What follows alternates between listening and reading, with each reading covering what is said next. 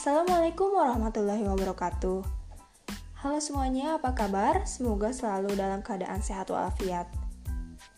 Perkenalkan, nama saya Nida Kurotakyun dengan NIM 1908674 dari PKN 2019A.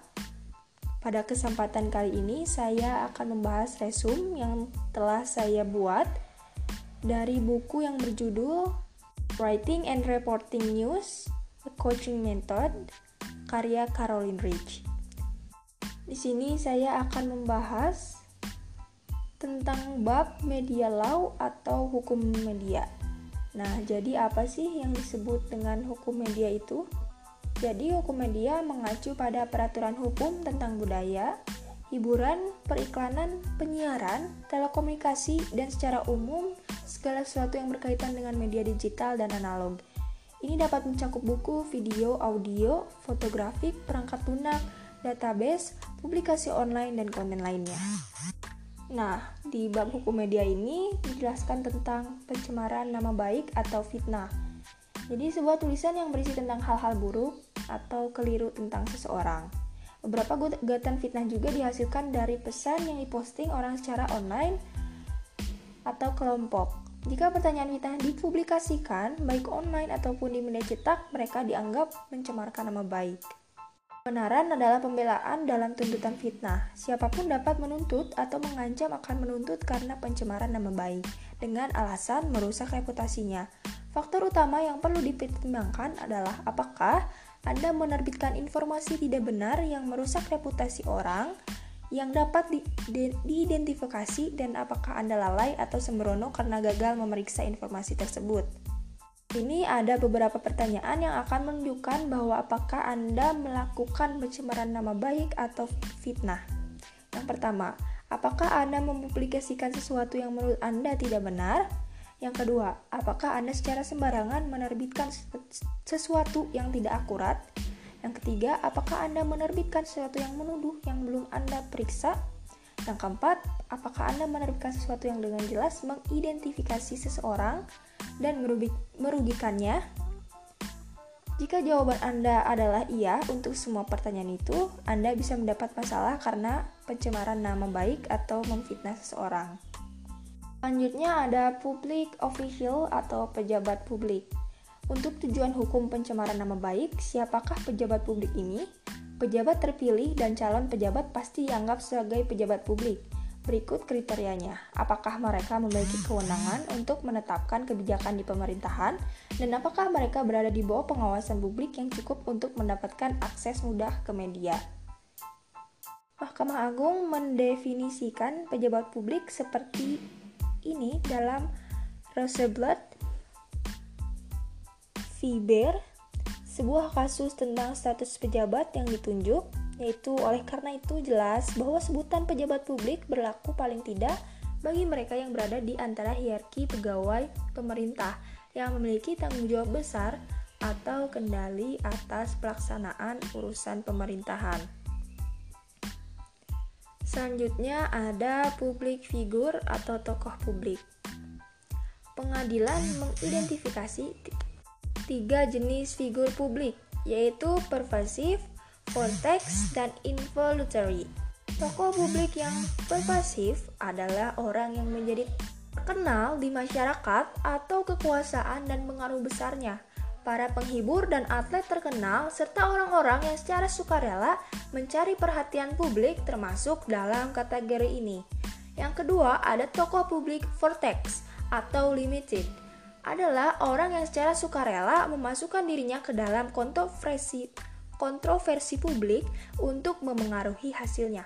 Mahkamah Agung telah menyatakan bahwa orang-orang yang termasuk dalam kategori ini bukanlah figur publik untuk semua aspek kehidupannya, tetapi hanya untuk aspek-aspek yang berkaitan dengan peran mereka dalam kontroversi publik tertentu. Tipe ketiga dari public figure yaitu tidak sengaja atau involuntary adalah seorang yang tidak melakukan apa pun secara sukarela untuk menarik perhatian atau terlibat dalam masalah publik, tetapi menemukan dirinya sendiri di tengah menjadi kontroversi publik. Pengadilan jarang menemukan kategori ini untuk seorang individu dalam gugatan pencemaran nama baik. Selanjutnya ada private figures atau tokoh pribadi. Perbedaan antara menjadi figur publik atau public figure atau privat sangat penting karena standar untuk membuktikan pencemaran nama baik bisa berbeda. Banyak negara bagian telah mempermudah orang pribadi untuk membuktikan pencemaran nama baik mereka untuk tokoh masyarakat. Mahkamah Agung telah menyerahkan kepada negara bagian untuk menentukan standar tanggung jawab mereka sendiri untuk figur pribadi ini. Kami, perda kami berpendapat bahwa selama mereka tidak membebankan tanggung jawab tanpa kesalahan tanpa kesalahan, negara dapat menetapkan sendiri standar tanggung jawab yang sesuai untuk penerbit atau penyiar tentang kebohongan yang mencemarkan nama baik yang merugikan individu atau pribadi. Selanjutnya ada pentingnya akurasi. Akurasi adalah hal terpenting bagi jurnalis yang baik. Setiap kesalahan yang Anda buat membayarkan kredibilitas surat kabar atau stasiun penyiaran terhadap pembaca dan pemirsanya. Karena faktor kredibilitas itu, surat kabar di seluruh negeri mencetak koreksi setiap hari. Banyak untuk kesalahan ejaan nama. Itulah alasan lain mengapa Anda harus selalu memeriksa ulang nama-nama dalam cerita Anda. Kait akurasi sumber informasi, wartawan hendaknya melakukan identifikasi kembali sumber-sumber informasi sebelum menyajikan berita. Idealnya, menyebutnya sumber harus menyebutkan nama bukan anonim atau tanpa nama. Unsur kredibilitas memang harus menjadi pegangan bagi apa yang diucapkan, dilakukan, dan ditulis oleh wartawan. Karena itu, wartawan dituntut untuk teliti atau akurat Akurasi merupakan suatu nilai dasar yang harus selalu diterapkan tanpa syarat baik oleh wartawan maupun editor.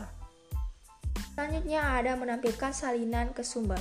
Steve Weinberg, mantan Direktur Investigative Reporters and Editor dan otoritas terkemuka dalam penelitian catatan, mengatakan sudah waktunya untuk mengubah cara berpikir tradisional tersebut.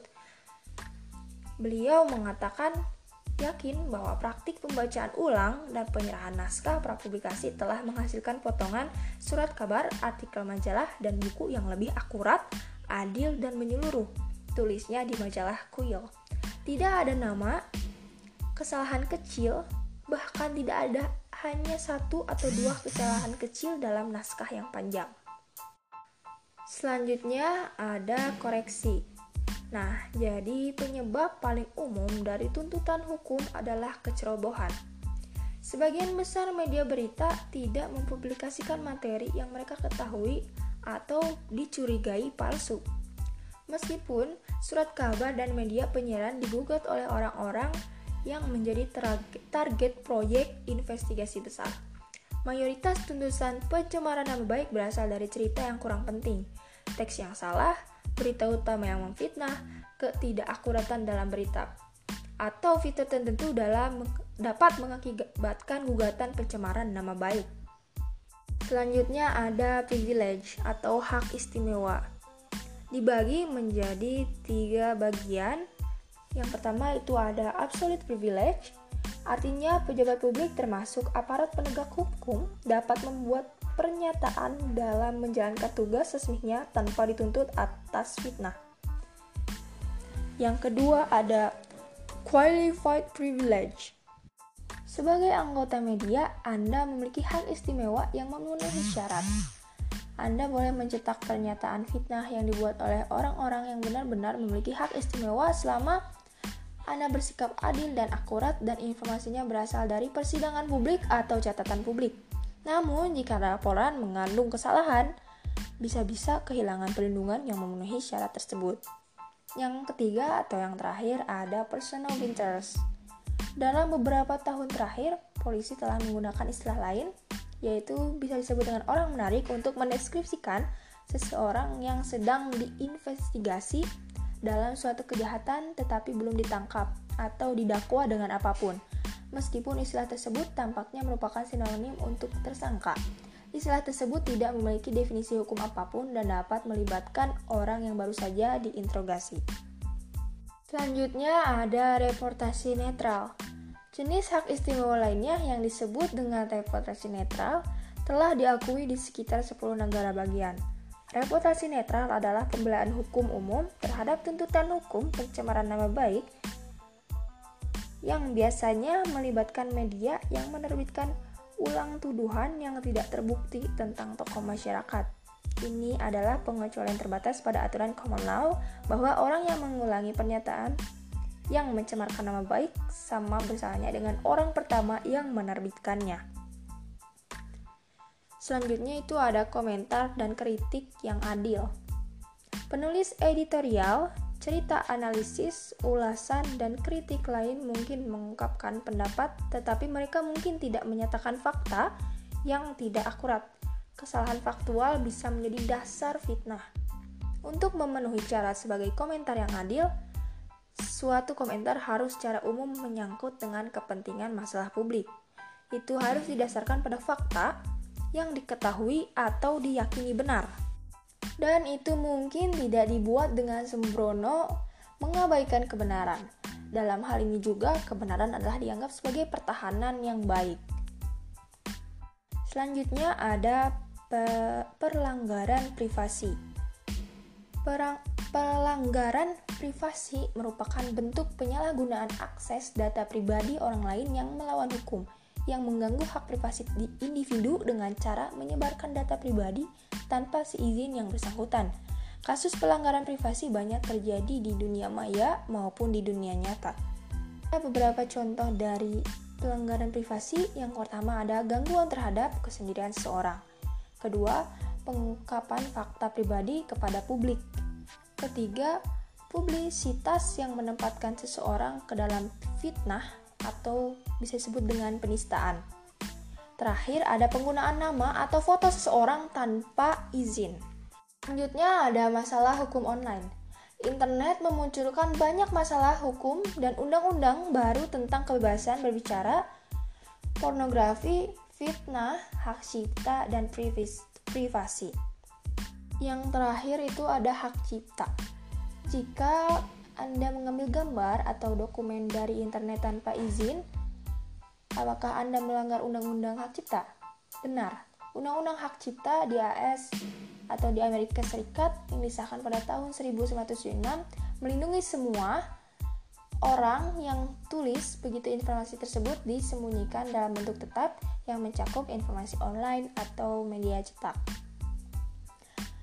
The No Electric Death Act ditandatangani, menjadi undang-undang pada tahun 1997 memberikan hukuman hingga lima tahun penjara dan denda sekitar 250.000 US dollar untuk individu dan hingga 500.000 US dollar untuk organisasi karena menyalin perangkat lunak atau materi online bahkan jika Anda tidak dapatkan untung.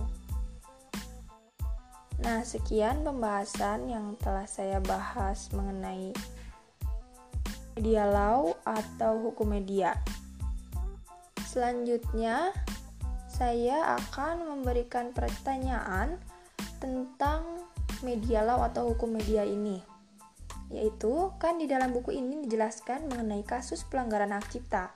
Nah, apakah konsekuensi yang harus diterima oleh para pelanggar hak cipta itu?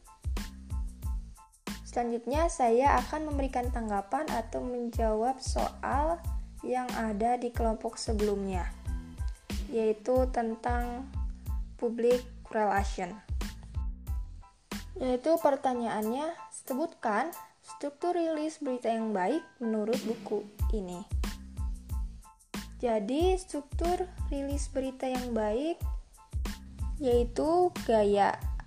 Yang pertama yaitu gaya Gunakan satu sisi kertas, beri spasi ganda pada body copy atau gunakan spasi 1,5 baris. Buat rilis singkat, sebaiknya satu halaman dan tidak lebih dari dua. Gunakan spasi tunggal dengan spasi antar paragraf. Untuk rilis di web atau rilis di email. Gunakan gaya Associated Press untuk rilis ke surat kabar dan sebagian besar majalah. Yang kedua ada nomor halaman. Jika rilis berlanjut ke lebih dari satu halaman, tulis lebih di bagian bawah halaman pertama dan beri nomor pada setiap halaman. Selanjutnya ada ketepatan waktu.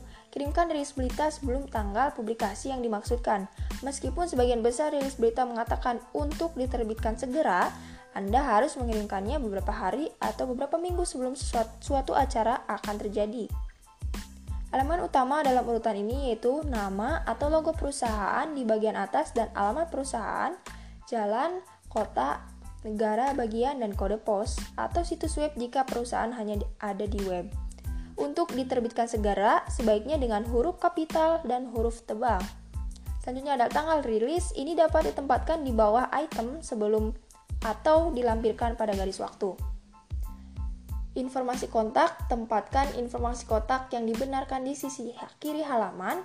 Tulis kontak diikuti dengan nama, judul, nomor telepon, telepon seluler dan fax, dan alamat email orang yang akan dihubungi. Informasi ini dapat ditempatkan di sisi kiri atau kanan. Selanjutnya ada judul. Lewati dua baris setelah informasi kontak Anda, boldface adalah opsional tetapi disarankan. Meskipun beberapa perusahaan lebih suka menulis headline dengan huruf kapital, situs web seperti PR Web merekomendasikan headline dituliskan dengan huruf besar dan kecil. Batas judul menjadi satu baris, terutama untuk rilis web. Garis waktu ini adalah kota asal untuk siaran pers Anda, diikuti dengan singkatan negara bagian jika bukan kota besar. Anda dapat meletakkan tanggal di sini diawali dengan tanda hubung. Selanjutnya ada prospek Pemimpin langsung lebih disukai termasuk siapa, apa, kapan, dan di mana, tetapi pemimpin fitur yang segera diikuti dengan informasi utama dapat diterima. Selanjutnya, isi yaitu rangkum secara singkat poin-poin penting, cantumkan kutipan atau komentar dari pejabat perusahaan jika memungkinkan. Buat paragraf pendek, gunakan daftar jika Anda memiliki poin-poin penting. Yang terakhir ada akhir, yaitu akhiri dengan kalimat atau paragraf singkat tentang perusahaan. Jika relevan, ulangi kontak atau sumber lain yang relevan untuk informasi lebih lanjut. Sertakan situs web jika tersedia. Sekian yang dapat saya sampaikan. Terima kasih. Mohon maaf apabila ada yang kurang jelas atau kurang dimengerti. Terima kasih telah mendengarkan penjelasan kali ini. Wassalamualaikum warahmatullahi wabarakatuh.